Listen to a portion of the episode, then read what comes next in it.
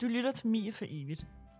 En podcastserie i fem afsnit, hvor jeg, Amanda Lyttikau, snakker med pårørende og eksperter til en ung pige, der som blot 18-årig valgte at tage sit eget liv. Mie for evigt er en historie fra den virkelige verden, men navne kan være ændret af hensyn til virkelighedens personer i den her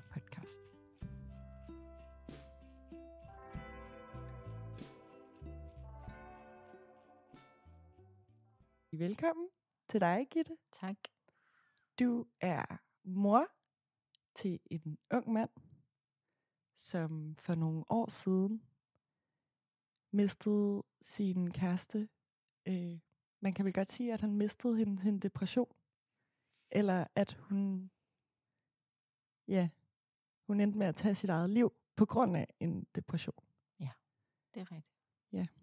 Og øh, det er jo en virkelig, virkelig voldsom ting at, at se sin søn gå igennem det, Mm. og selv gå igennem det.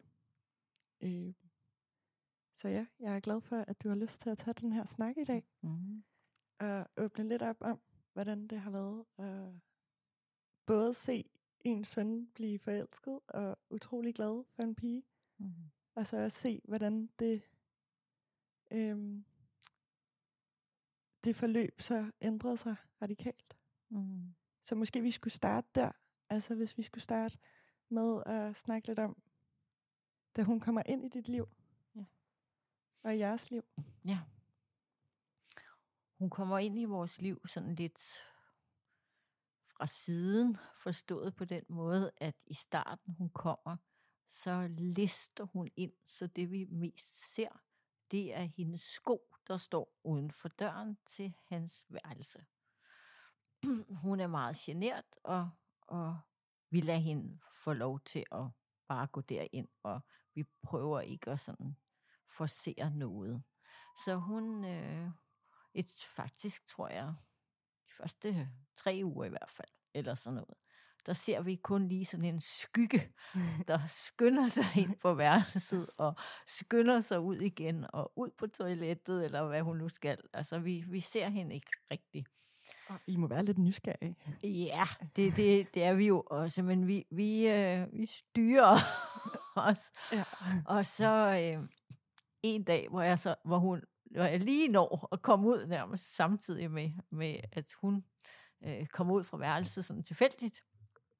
Og så siger jeg til hende, ej, hvor er det altså hyggeligt, at du er begyndt at komme her. Og øh, altså, kunne du ikke have lyst til at spise sammen med os? Og så, øh, så siger hun, jo, det, det ville hun gerne. og så... Øh, og så startede det egentlig lidt der med, at hun, hun var der faktisk ret meget. Og, øh, og så begyndte hun sådan at spise sammen med os aftensmad og sådan noget. Og øh, hun var en, en ret stille pige. Øh, meget øh, vidende. Meget... Øh, hun kunne godt, da hun sådan ligesom, da vi lærte hende lidt at kende, så kunne hun fint sidde ved bordet, og vi havde nogle diskussioner. Vi har altså haft rigtig mange diskussioner, og været ret forskellige øh, sådan med, hvad vi har af holdninger og politisk og alt muligt, så vi har altid haft mange diskussioner. Ja. Og hvis ikke man kender os, så kan man måske godt tænke, hold da op, de er måske uvenner. Skændes de nu? Skændes de nu? Men det er bare normalt hos os at have nogle diskussioner. ja. Og, øh, og der sad hun jo egentlig ret stille og observerende, men, men efterhånden så begyndte hun så, så, når vi sådan var godt inde i diskussion, så kom hun sådan ligesom, så faciliterede hun. Så kom Okay. hun lige sådan med en eller anden bemærkning, som ligesom slog hovedet på sømmet, og nogle gange så sad man og tænkte, okay, nå ja, Så hun var nærmest sådan lidt moderator, eller sådan? Ja, hun kunne godt sidde sådan og, og, og, og høre, hvad den ene og den anden og den tredje sagde, og så kunne hun godt sådan komme med sin, sådan, hvor hun ligesom havde sammenfattet det hele, og sådan, nå ja, så hun, man kunne godt sådan, hun var ret god til at, at, at gennemskue ting, og rigtig god til sådan at, s- altså, øh, ja, se på, hvordan at, at finde pointen i det hele, eller finde ja. øh, essensen måske nærmere sagt. Essensen i den ting. Hvad er det, der er vigtigt her? Men øh, også måske at se, hvordan I lige kunne mødes i de der diskussioner. Ja, ja, ja, men også sådan meget essensen i noget, hvor man måske diskuterede, og sådan, ikke? Så kunne hun ligesom slå hovedet på sømmet med nogle ting, hvor man bare tænkte, nå ja, det var da, det var da faktisk rigtigt. Okay. og, og det var hun god til. Så øh, hun begyndte at, at være rigtig meget hos os, og, og deltage generelt i alting. Og efterhånden, som vi lærte hende at kende, så var hun jo knap så stille. Mm. Og så kunne hun jo godt råbe op, eller råbe, men altså, så kunne hun jo godt sige nogle ting, og hun kunne godt være, være, øh, være på og, og sådan. Men en, en øh, meget stræbsom pige var hun jo. Og Og det, Og- mær- det mærkede du sådan? ja, det mærkede jeg. Øh, og det havde vi også nogle, nogle diskussioner om, fordi at, at ikke, at jeg ikke mener, at man skal være stræbsom, fordi det mener jeg er rigtig fint. Man må godt række efter stjernerne, men, men mindre kan jo også gøre det. Mm. Og Ja. hvem siger også, at stjernerne er det rigtige? Ja. Øh, måske er det noget, der er ikke så højt som stjernerne, der er, er, er det, det, man skal. ja. Og øhm, Og hvad var stjernerne for hende? jamen, hun, hun, var, hun ville gerne have høje karakter. Hun ville gerne læse statskundskab. Øhm, og det var meget vigtigt for hende med de her høje karakterer. Havde du sådan en fornemmelse af, at det godt kunne være noget, der sådan, altså, tog overhånd og Ja. Drejede Ja, over det, det, det, det, jeg synes godt, at jeg synes, det fyldte meget. Og Okay. jeg synes, at, at det der med at være super perfekt, Mm. fyldte meget.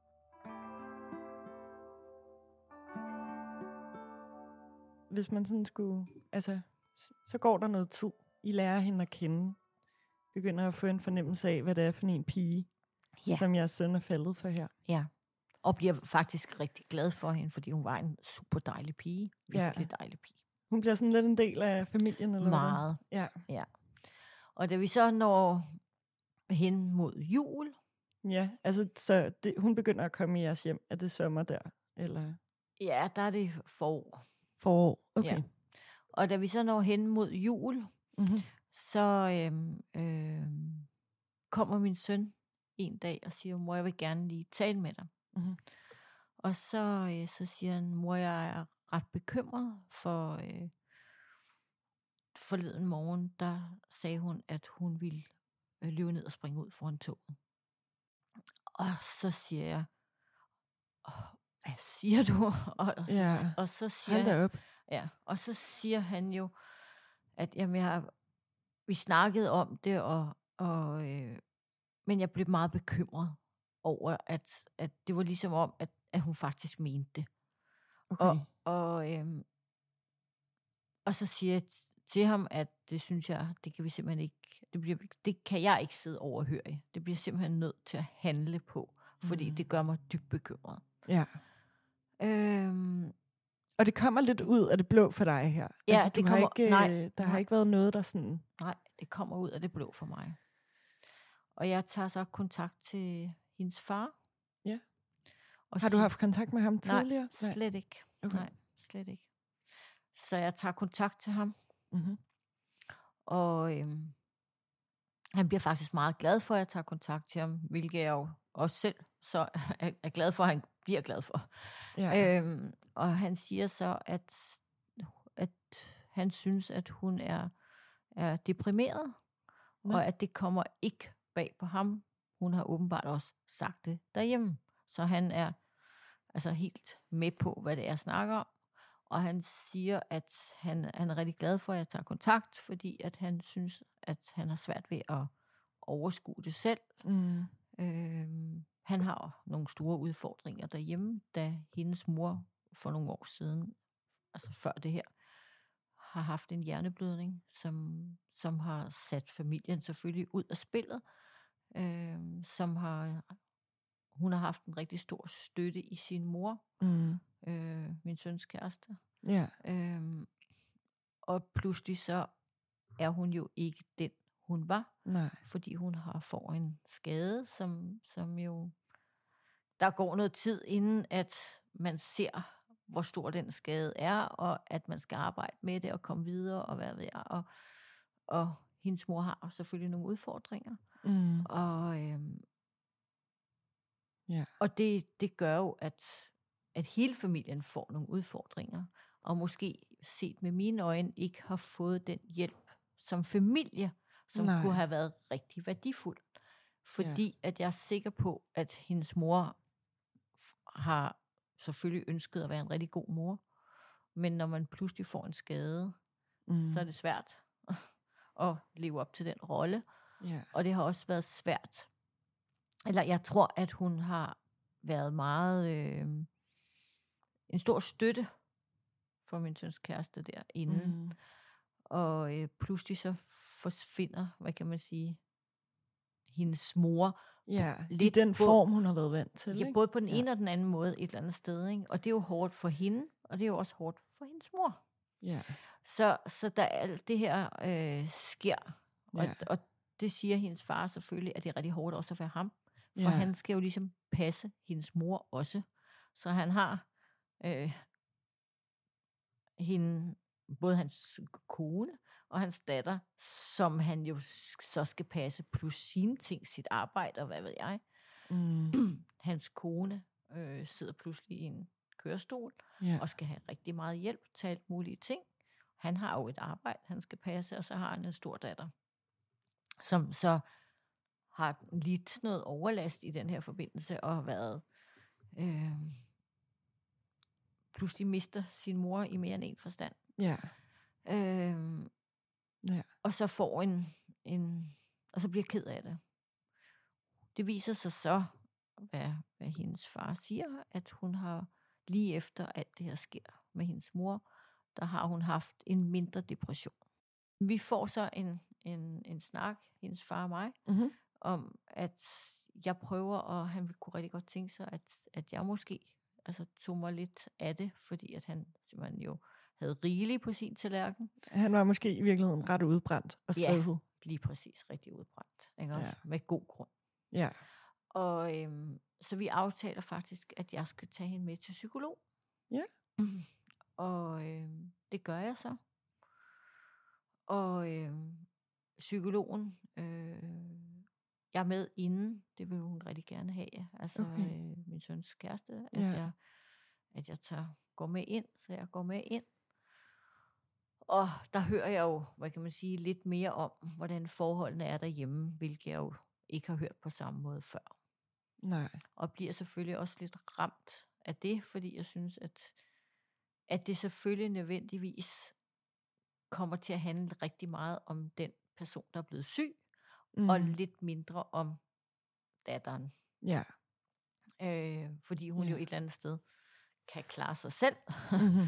hvilket hun jo selvfølgelig ikke kan. Øh, men men øh, psykologen ender op med at sige, at hun rent faktisk synes, at hun skulle flytte hjem til os og være. Okay. Øh, det snakker vi så om, og synes, at det kunne være fint. Hun er selv lidt bekymret for det, fordi hvordan skal hendes far så klare sig derhjemme? Okay. Så hun Og er, hvor- øh, det, Hun er meget ansvarsfuld. Ja. Virkelig ansvarsfuld. Og det er både hende og hendes storebror, de tager så meget, meget ansvar. mm-hmm. Øhm, og jeg taler så også med hendes far, som synes, at det er en god idé, hun er der, men ikke hele tiden. Altså, han vil selvfølgelig også gerne have en hjem, og det er jo forståeligt nok. Ja. Så, så vi finder sådan en, en ordning med, at hun ligesom kan være, hvor hun sådan ligesom synes, at Okay. hun skal være. Øh, vi skal selvfølgelig have noget kommunikation frem og tilbage, øh, hvilket vi også havde, men helt klart ikke godt nok set i bagspejlets klare lys. Øh, hun, øh, hun er så rigtig meget hos os, men bliver øh, mere og mere deprimeret. Og hun skal så på en tur til La Santa Ja. med sin klasse.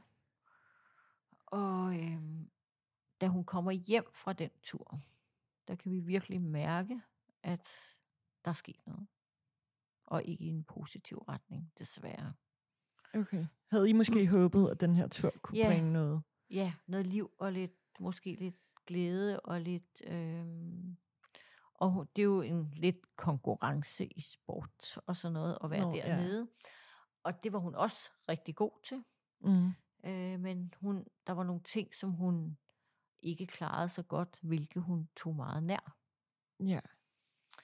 Øh, og så havde der øh, været en pige fra klassen, som hun var meget glad for og meget tæt på, som havde vendt hende lidt ryggen dernede, fordi at øh, min søns kæreste Mm. havde øh, ligesom observeret, at hun synes, at hun øh, havde noget spiseværing, noget anoreksi. Og det havde hun ligesom taget fat i. Og Altså din, din søns øh, kærestes veninde. ja, præcis. Okay. Og, og det havde hun ligesom taget lidt fat i, for selvfølgelig at hjælpe hende, og gjort de voksne på turen opmærksom på, at de måske skulle være lidt ops på det her. Det blev af veninden øh, modtaget. Øh, ikke særlig, altså hun, hun følte sig jo udleveret måske, og Ja. altså hun, hun blev i hvert fald ramt af det, Ja. hvilket gjorde, at hun blev vred. og, øh, og det var ikke, øh, og, og det tog hun så tog meget ind. Så da hun kom hjem og ligesom var blevet lidt uvenner med den her veninde, det var ligesom, følte vi, at det fik det hele til at vælte. Okay. Det var det, var, virkelig- det, var, det var det, der gjorde, hvad kan man sige, det, at, at hun røg ind i den her depression. Ja, så det- hun er måske sådan, har været sådan lettere tendenserende til det depressive, og så nu øh, sidder den rigtigt. Det var simpelthen det, der fik bæret til at flyve ud over. Ja. Øhm, og så går det faktisk jævnt ned ad bakke. Forstået på den måde, at hun går ikke så meget i skole. Hun ønsker ikke så meget at gå i skole, fordi at hun synes, at de andre... Øh, hun er et andet sted end dem. Mm. Øh, hun øh, er ikke i godt humør, og de andre føler, hun holder hende lidt ude. Øh, på et tidspunkt, så har min søn en samtale med alle veninderne Ja. i klassen, hvor han siger til dem, er det sådan her, som hun føler, eller er det en følelse, og vi ikke godt være søde til hånd om hende, hun har virkelig brug for det. Og, øhm, og det tror jeg egentlig, de prøvede, Ja. men, men hun følte bare stadigvæk ikke rigtigt, at hun følte så på en eller anden måde stødt ud. Ja. Og jeg tror nok, at min søn han sagde, at, at de faktisk prøvede, men hun havde det simpelthen skidt og så måske også spøgelser. Jeg kunne ikke se, at de prøvede. Nej. Men altså også, altså, når man er der, gymnasiepige, øh, nu tænker jeg bare, nu skal jeg bare tilbage på fra mig selv, ikke? Mm. Mm. Altså det der med, det er simpelthen så svært at forstå de andres struggles, fordi man er så meget i sig selv, og alt det, der ikke kører for en selv, og man Ja. vil gerne alle de der ting, så jeg kunne også godt forestille mig, at de der piger har bare ikke altså, vidst, hvordan man skulle deal med en, der var så deprimeret og så Nej. ked af det. Selvfølgelig har de ikke det. Nej. Så det er jo, det er jo altså, det er bestemt heller ikke nogen jo bebrejdelse mod Nej, dem, nej, og heller ikke en bebrejdelse mod den veninde, Mm-mm. som, som, som havde det skidt. Øh, og som, som efterfølgende blev de jo gode venner igen, og, og var faktisk meget, meget tæt indtil allersidst. Og, og hun har også været super ked af det, og taget, gjort rigtig meget siden. Øh, Altså, øh, Mm. det, det har også været hårdt for hende. Der er selvfølgelig nogle tanker, man har i dag, og nogle forklaringer, man måske tror er de rigtige. Ikke nødvendigvis sikkert, de er det, men det er i hvert fald nogle ting, man tænker. Ja. Øhm, Men, og hvor meget er øh, din søns kæreste i behandling på det her tidspunkt? Altså, hvor, hvor, hvor får hun hjælp? hun får hjælp. Hun er jo stadigvæk under 18. Ja. Og så går hun jo i, i, øh, i ungdomspsykiatrien der. Mm. Øhm, og der får hun jo ikke den hjælp, som jeg synes, hun burde have. Og det mener jeg øh, på den måde, at hun jo øh, opsøger nogle gange øh, hjælp, hvor hun er meget tydelig. Hun er, som, som jeg tidligere sagt, en meget observant pige, også på sin egen situation. Og hun er meget, øh, hun er god til at formulere det, hun har brug for. Hvilke, øh, hun, hun, er, altså hun er rigtig god til at sige, at jamen, jeg øh, har nogle tanker, som jeg er ved at, at, at overmande. Jeg er bange for at komme til at handle på de her tanker. Vil I ikke godt hjælpe mig? Jeg er bange for, hvor det her ender, hvis ikke jeg får noget hjælp. Hun er meget, meget tydelig i sin fremtoning. Okay, det er Øh, imponerende, at hun ja. er så øh, reflekteret omkring Ja, det. Det er meget. måske, fordi hun har mødt det tidligere i sit liv i virkeligheden. Ja, altså hun er i hvert fald meget tydelig i, hvad hun gerne vil. Og det, det ender så, hvad kan man sige, med, at hun får nogle antidepressive piller efter meget øh, snakken frem og tilbage, om det nu er en god idé eller ej. Øh, hendes far synes ikke, det er nogen specielt god idé. Det synes jeg faktisk heller ikke. Jeg er ikke særlig vild med piller.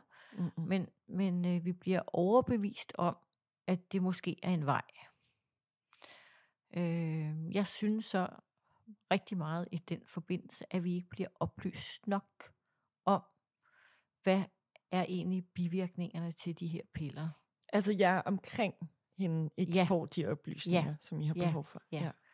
Og hun er jo stadigvæk på det her tidspunkt 17, det vil sige, hun er ikke voksen.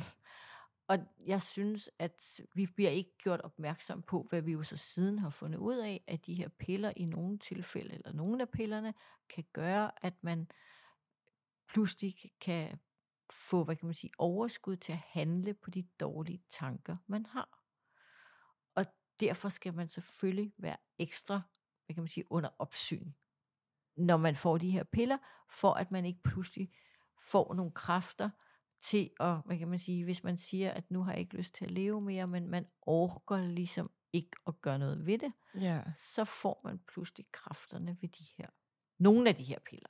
okay. Det er jo Ja. virkelig interessant, og sikkert noget, ikke specielt mange øh, ved.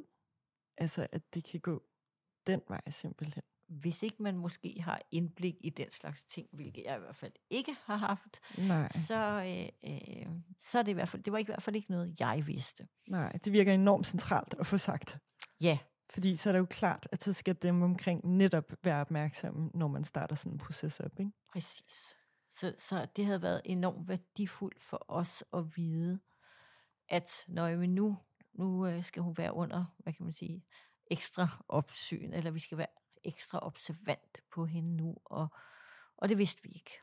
Hun startede de her piller op, blev faktisk så lidt dårlig af dem, stoppede igen, Altså sådan fysisk dårlig. Ja, Okay. ja, fysisk dårlig. Stoppede så igen, og så fik dem igen.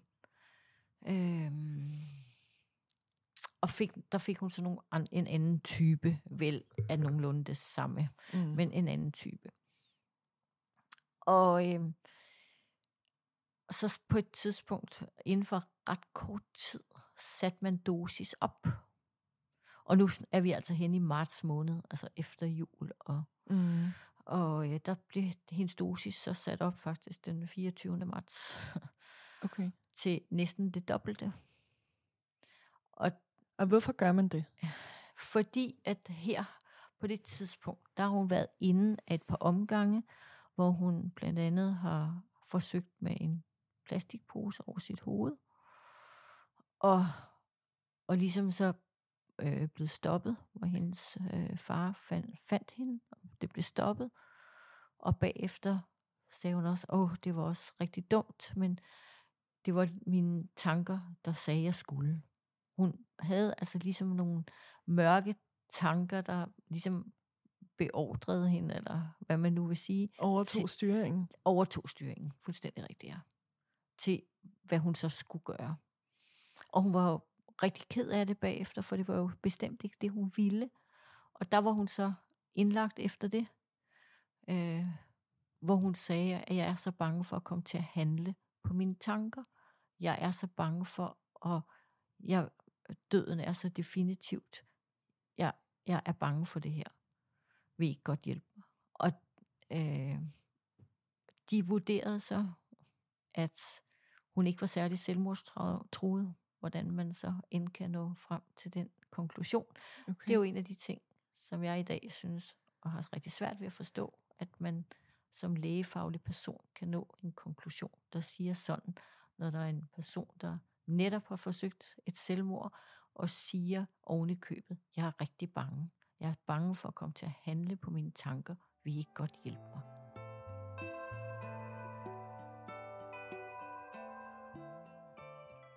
Efter det, der, øh, der prøver hun så øh, en gang til.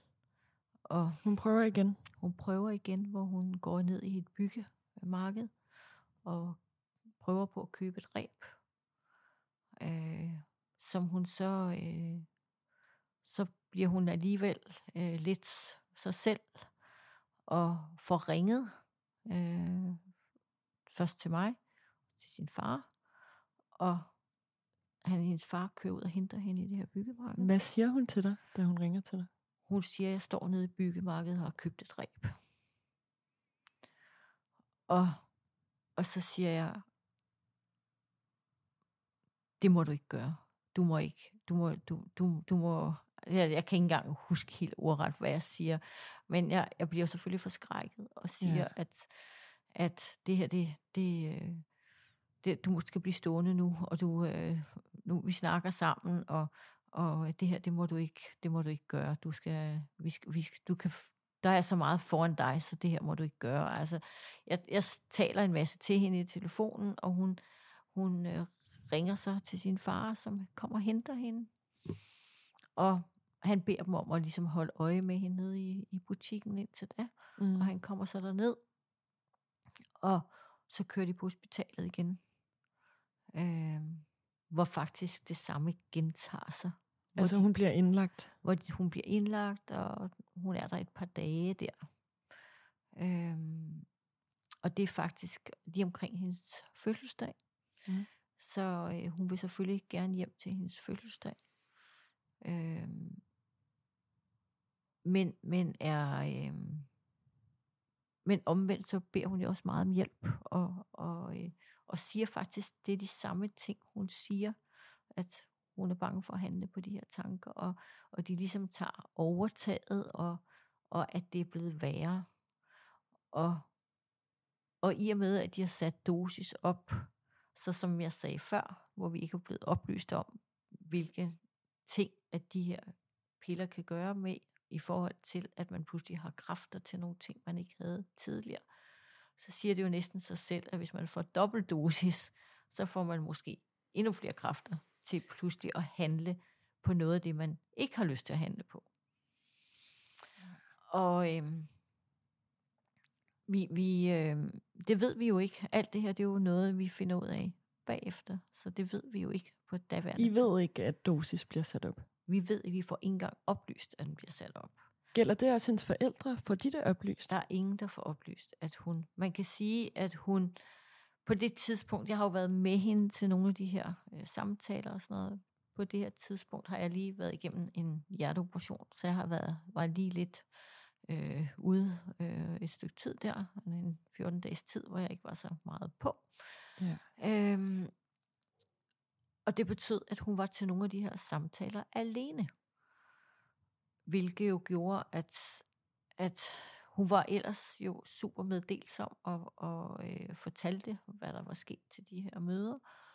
Og, øh, men fik egentlig ikke et udskrift af journalen, hvilket vi jo så kan se i det bagklogskabens klare lys, at det var en af de ting, som jeg i hvert fald er ked af i dag, at vi ikke efter hvert øh, konsultation fik en ligesom et referat af, hvad ja. var der egentlig blevet snakket om her.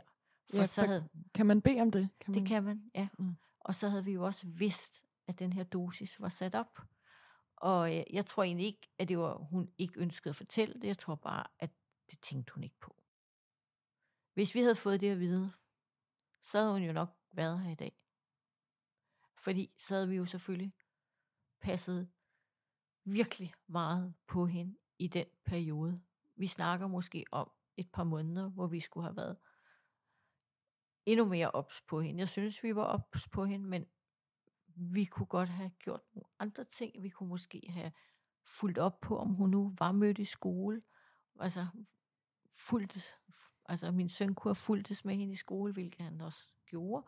Men så kunne han de dage, hvor hun egentlig gerne ville blive hjemme, der skulle man have styr på, at der var nogen der, når hun var hjemme. Ja. Og at, at hun rent faktisk var i skole, når hun var i skole. Altså alle de ting, man tænker på bagefter. Og Ja. som jeg synes er enormt vigtigt, at andre, som måske kommer til at stå i sådan en situation her, at de tænker på, hvor vigtigt det er at, at måske få et referat af, af en journal, når man har været til et møde, sådan så at de pårørende også ved, hvad der har blevet talt om til det møde. At man er opmærksom på, at der er perioder, hvor man skal passe ekstra meget på den, der er syg. Og at man øh, prøver at, at have en rigtig god kommunikation pårørende imellem, at man hele tiden dækker hinanden af, så man ved, hvad det er, der foregår. Det var vi simpelthen ikke gode nok til. Og det lyder også som om, at hendes indlæggelser har været altså, meget korte. Ja, alt for kort. Der var ikke nogen længere indlæggelser. Nej. Vi snakker måske 3-4 dage højst. Hvornår begynder man at indlægge øh, unge mennesker længere tid end 3-4 dage? Ja. Altså, hvor, hvor skal de være mentalt, for Jo. at, øh, at man siger, nu er du lige her det næste stykke tid? Det er rigtig svært at, at, at sige, for jeg synes jo, hun var, hun var derude, hvor hun i hvert fald burde have været der noget længere tid. Så jeg, jeg ved ikke, hvor man skal være henne, hvis det skal være værre. For jeg synes, det var rigtig, rigtig slemt. Så, og jeg synes jo, at det her, det har kostet det ultimative et menneskeliv. Ja. Mm. Og hun kunne have været her i dag, hvis ikke, hvis tingene var blevet håndteret på en mere professionel måde. Så øh, ja, det der sker jo til sidst, det er jo, at hun efter at den her dosis bliver sat op, og, og øh, jo bliver øh, tiltalende dårligere, synes jeg, og og har nogle meget sorte tanker. Jeg har meget kommunikation med hende på sms. Vi skriver rigtig meget sammen. Øh, og hvor hun bebrejder rigtig meget sig selv, at jeg er ikke den, som jeg var, og jeg er ikke til noget, og jeg er ikke, øh, jeg er ikke den glade pige, jeg var, og jeg er, jeg bliver aldrig, jeg vil nok altid være sådan. Hun kører ind i sådan en cirkel af bebrejdelser mod sig selv, og øh, og tanker om ikke at være her, som jo er dybt bekymrende. Øh, min søn bruger mange timer på os at snakke med hende, trøste hende og prøve at forstå, hvad der er, der foregår inde i hendes hoved. Øj. Han er heller ikke så gammel, han er jo også kun lige de der 18-19 år. Ja. Så der er også nogle af tingene, hvor han øh, har svært ved at håndtere det. Vi har en situation, hvor hun pludselig føler, at hun ikke kan tale. Og, og det er lige efter, at jeg er blevet opereret, hvor jeg er kommet hjem, og hvor han kommer ind til midt om natten og siger, mor, hun kan ikke tale. Og han er jo lidt, lidt desperat, fordi han kan jo ikke rigtig finde ud af, hvad det er, der sker. Ja. Og det er simpelthen øh, psykisk, at, at så tager jeg jo selvfølgelig lidt over, og, og, og, og hun, vi får så snakket en del der om natten, og det ender så med, at hun begynder at tale igen. Altså, det, altså der sker nogle psykiske ting med hende der, hvor hun, hun føler, at hun taber sit hår, og øh, taber sine muskler, og øh, ja, det, det, øh, jeg synes, at der var en, det gik rigtig meget ned ad bakke. Det var bare ligesom om, at hun blev bare dårligere. selvfølgelig også, fordi hun blev, fik sat den her dosis op. Men jeg synes, at fra slutningen af marts og til hvor hun døde i den 19. april, øhm, der var dage, hvor, hvor man kunne mærke, at hvor hun, hvor hun skriver til mig, ej, det er dejligt forår i dag. Jeg tror, at jeg er ved at gå, det er ved at gå den rigtige vej. Og det er jo også sådan, pillerne virker. At Ja, der kommer nogle lyspunkter. der kommer nogle lyspunkter. Og vi kunne faktisk, jeg synes faktisk, at man kunne mærke, at det måske var ved at virke. Men indimellem faldt hun så ned i de her huller. Og det var jo i de her huller, hun faldt ned i, hvor hun jo så kvæg pillernes virken også fik kræfterne til at handle på de her grimme tanker og Ja. stemmer, som hun jo fik, når hun kom ned i de her huller.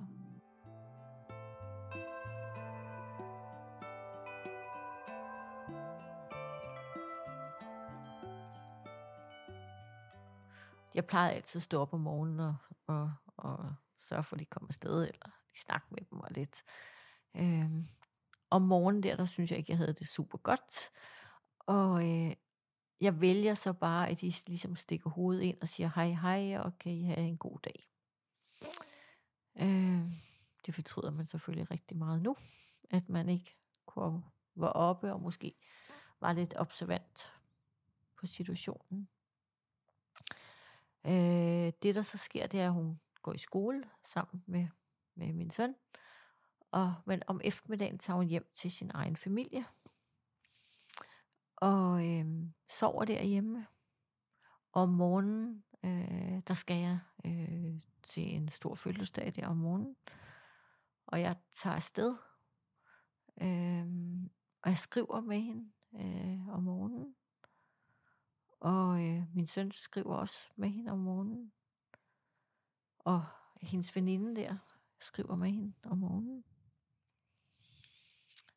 Og der er ikke nogen af os, der rigtig er. Hun vælger så at blive hjemme, som hun egentlig havde en aftale med, at hun skulle. Øh, på et tidspunkt skulle hun tale med en skolevejleder øh, om noget eksamen, som jeg så i dag tror stressede hende rigtig meget, at hun skulle have den samtale. Jeg tror slet ikke, det var klogt. Hun, hun var ikke et sted, hvor hun var i stand til at have den samtale. Øh, fordi han nok måske ville presse hende lidt til at tage nogle af de her eksamener. Mm. Øh, og det følte hun jo slet ikke, hun var et sted, hun kunne. Øh, hvad der har gjort udfaldet, ved vi jo ikke. Men øh, hun, hun åbner i hvert fald en, en Snapchat. Klokken var 20 minutter over et, eller det omkring halv to. Og, øh, og da hendes far kommer hjem der klokken halv tre, så har hun jo hængt sig. Øh, og ja, det var jo Ja, og det der så sker, det er jo, at, at jeg er på vej hjem fra den her fødselsdag. Og vi skal ud igen om aftenen. Og i det, jeg løber, jeg, jeg er sent på den, og vi skulle, jeg skulle skifte tøj, og jeg løber op ad trappen. Og jeg kan se, at hendes far ringer til mig. Og jeg vælger så lige at, ikke at tage den, men skrive til ham, jeg ringer lige om lidt, skifter tøj, og vi sætter os ud i bilen og kører. Og jeg ringer til ham. Og, og så fortæller han jo, hvad er, der er sket. Og ja, vi vender jo selvfølgelig bilen og sidder lige og taler lidt. Og ved jo, at vi nu er nødt til at overbringe vores søn den her nyhed.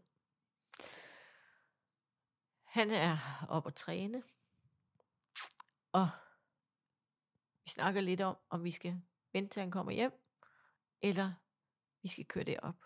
Men vi er også bange for, at han måske på en eller anden måde får den her besked. Så vi vælger faktisk at køre det op. Om det var klogt eller ikke klogt, ved jeg faktisk ikke rigtigt. Fordi at selvfølgelig, da han ser os derop, er jeg godt klar over, at der er noget galt. Men jeg tror, at han tror i første omgang, at hun måske er bare er blevet indlagt, eller Jeg tror måske, at hun har forsøgt igen. eller- Ja, ja. Han øh, bliver selvfølgelig fuldstændig forstenet. Øh, og råber selvfølgelig op, og bliver jo dybt berørt. Og vi tager hjem og prøver at fordøje det her. Ja. Han, øh, han, det var selvfølgelig, altså, ja, hvad kan man sige andet, men man kan jo simpelthen ikke forstå det. Man kan simpelthen Nej. ikke forstå, at, at hun er væk, og at det ikke, et eller andet sted, så tror jeg, man er sådan, når man tænker, om. ej, hun er nok ikke helt død. Det er nok ikke helt, altså, der er stadigvæk et håb. Altså, Ja. sådan- Så vi, øh, ja, vi sidder derhjemme og prøver at, at prøve at komme videre med det her.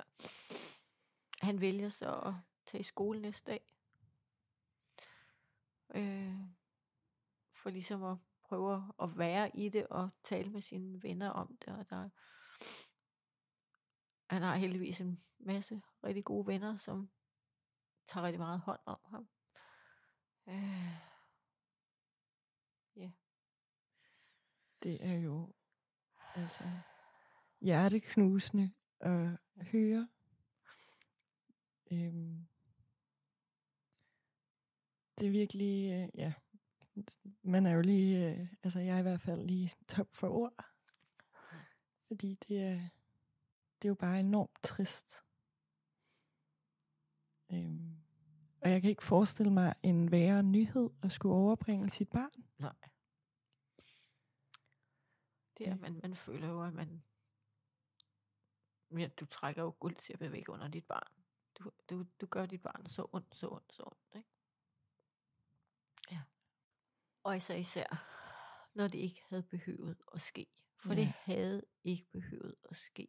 Hun var en super ressourcestærk pige på mange andre måder, og hun, vi talte jo også rigtig meget efterfølgende med den psykiater, som havde haft hende tidligere. Mm. Øhm, Tidligere, altså da hun, havde den første depression. okay. Ja, og som, som jo også sagde, jamen, hun kunne godt, hun var så altså, indsigtsfuld og nem at arbejde med, så hun kunne sagtens være kommet ud af det her igen, og hun skulle have haft nogle værktøjer. Og, Jeg sidder og tænker på det der. Kan vide, om den der in- indsigtsfuldhed, hun havde, øh, altså til sidst på en eller anden måde, altså omkring forsøgene, og det her med, at hun så klart kunne sætte ord på sine tanker, om det på en eller anden måde sådan, at de så tænker, når hun, hun er så bevidst omkring de her Ja. tanker, så kan hun godt selv sørge for, at hun ikke handler på dem. ja, det kunne sagtens være. Det kunne sagtens være. Ja. Men det, ja, Ja, hun har måske ikke virket så, fordi hun var så rolig og velovervejet, og altså hun har måske ikke virket sådan, altså hun var jo ikke en, der skreg og, og lavede scener, og altså, måske er det farligt at nogle gange at være lidt stille, mm. end dem, som altså råber højt. Det er måske nemmere at få noget blive, blive set i det. Ja.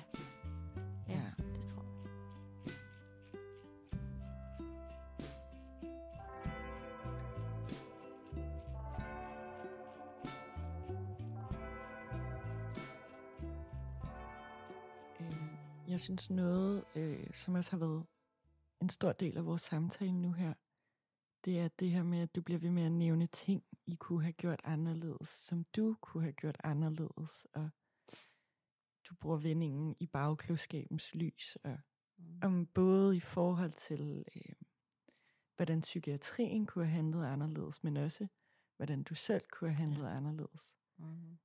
Og jeg tænker, at der er en masse skyld og skam og alt muligt af de der følelser, vi helst ikke øh, må, øh, må have eller tale om. Det er fuldstændig rigtigt. der er blandet ind i det her. Ja. Kunne du prøve at sætte nogle ord på det? Ja. Øh, jeg har virkelig efterfølgende øh, haft det rigtig dårligt over det, fordi jeg føler, at jeg burde have været mere observant. Jeg burde have været mere på. Øh, vi burde, hvad kan man sige, øh, have været mere omkring hende. Altså vi burde simpelthen have lavet sådan en, et vagtskema nærmest, hvor vi var omkring hende hele tiden, fra hun fik de piller. Øh, vi burde måske også, det er jo, vi kan jo sagtens sige, at de burde have, ops, altså de burde have fortalt os om de her piller. Men i dag er det også sådan, jamen, hvorfor undersøgte jeg ikke selv noget mere om de piller? Hvorfor var det, jeg ikke gjorde det? Og, og jeg har oplevet fra de fleste, som jeg har talt med om det her, sige, at nej, men du har da gjort, hvad du kunne, og du kunne da ikke have gjort mere. Og, og det er folk jo rigtig søde at sige, og det er jo selvfølgelig, det siger de jo også for at trøste en, og for at man ikke skal have det dårligt. Ja. Øhm, på et tidspunkt mødte jeg i en anden sammenhæng en kvinde, som også har mistet sin søn. Og som ligesom sagde, at hun ville gerne forbeholde sig den ret til at føle, at hun ikke havde gjort nok. Og det gjorde mig faktisk, jeg vil ikke sige glad, men et eller andet sted var det rigtig dejligt at møde en, som egentlig også havde den samme følelse i, at jamen, man kan godt, det, det, jeg synes faktisk, det er okay at, at føle, at man ikke gjorde noget godt nok. Og det er ikke noget med, at jeg nødvendigvis går og slår mig selv i hovedet hver dag, men det er noget med, at ligesom hvis man gør et eller andet, hvor man tænker bagefter, det her kunne jeg faktisk godt måske have gjort bedre. Og selvfølgelig er det da også noget af, at man så bliver klogere hen ad vejen. Men jeg ved bare i dag, at der var nogle ting, jeg godt kunne have gjort bedre. Og som jeg nu nævnte, mens vi talte blandt andet med, at ja, opsynet og journalerne, man kunne have bedt om et udskrift efterfølgende, men der var rigtig mange ting, og jeg synes, at man skal være enormt observant. Og jeg tror måske ikke, jeg var observant nok. Øh, men den der rettighed til egentlig at have lov til at føle, at man ikke gjorde det godt nok, øh, ja. det, den har egentlig været, det har været værdifuldt for mig, og ligesom, jamen, jeg vil egentlig gerne have lov til at, at have den følelse af, at det her, det kunne jeg faktisk godt have gjort bedre. Ja, og at der var en udefra, der ligesom sagde, Ja, altså... du og må det, godt have den følelse. Præcis, i stedet for Den er hele, ikke ulovlig. ja, ja, i stedet for hele tiden for at vide, jamen, du kunne ikke have gjort mere, og Mm. det, altså, hun har jo også øh, et eller andet sted valgt det selv, eller hvad de nu folk siger. Ja. Og jeg ved jo godt, at folk siger det selvfølgelig for at trøste en, og siger det i en god mening, bestemt. Men det var rigtig rart for mig at møde en, som egentlig også havde den følelse af, at jamen, jeg, kunne, jeg, kunne godt, have- jeg kan se i dag, at jeg kunne gjort nogle ting bedre. Og, og øh, det er jeg ked af, at jeg ikke gjorde.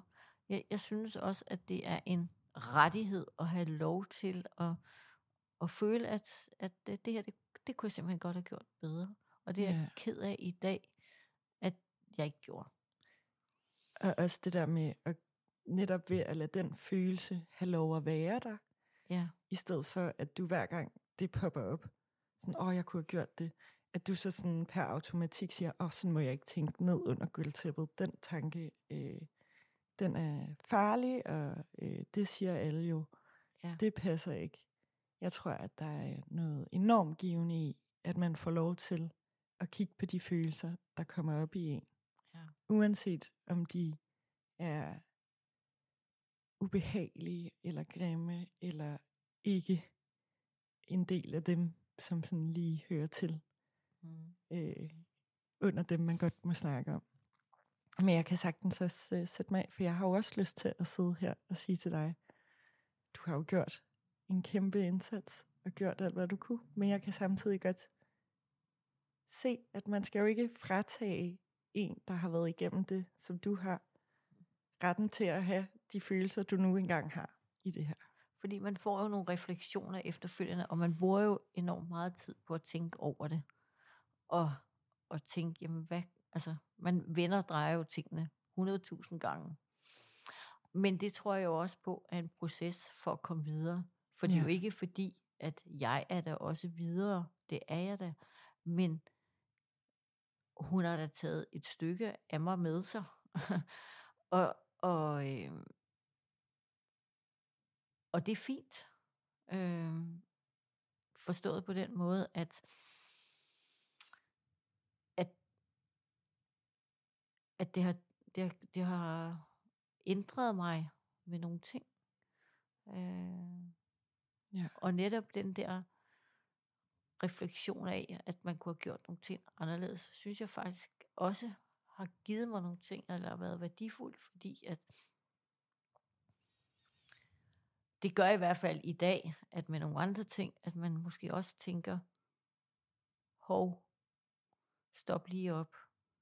Er der noget her? Øh, og vi er jo også forskellige. Nogle er måske af natur mere reflekterende og øh, knap så impulsive, eller hvad ved jeg. Øh, vi er jo også forskellige som mennesker.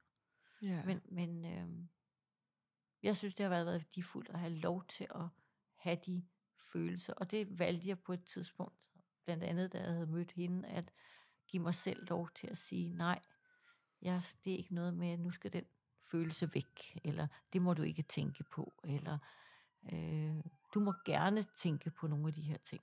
Du må gerne være i det, og ligesom øh,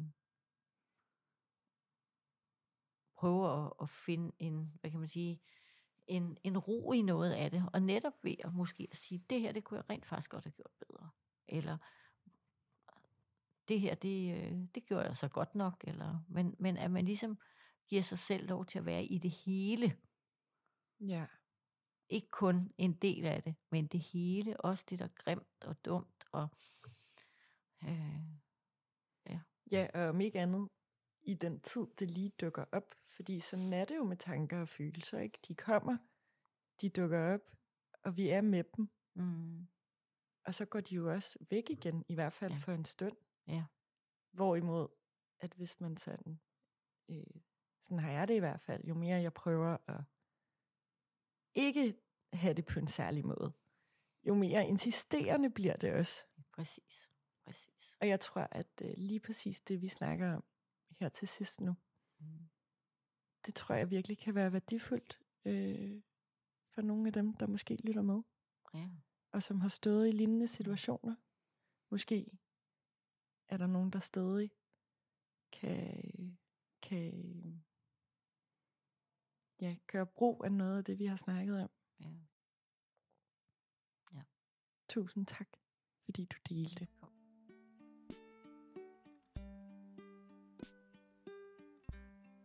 Mit navn er Amanda, og hvis du har lyst til at høre mere om Mies historie, så kan du læse bogen Mie for evigt af Christel Lyttikau. Hvis du eller en, du holder af, har tanker om selvmord eller selvskade, så kontakt Livslinjen på 70 201 201, eller gå ind på foreningen Spiseforstyrrelser og Selvskades hjemmeside.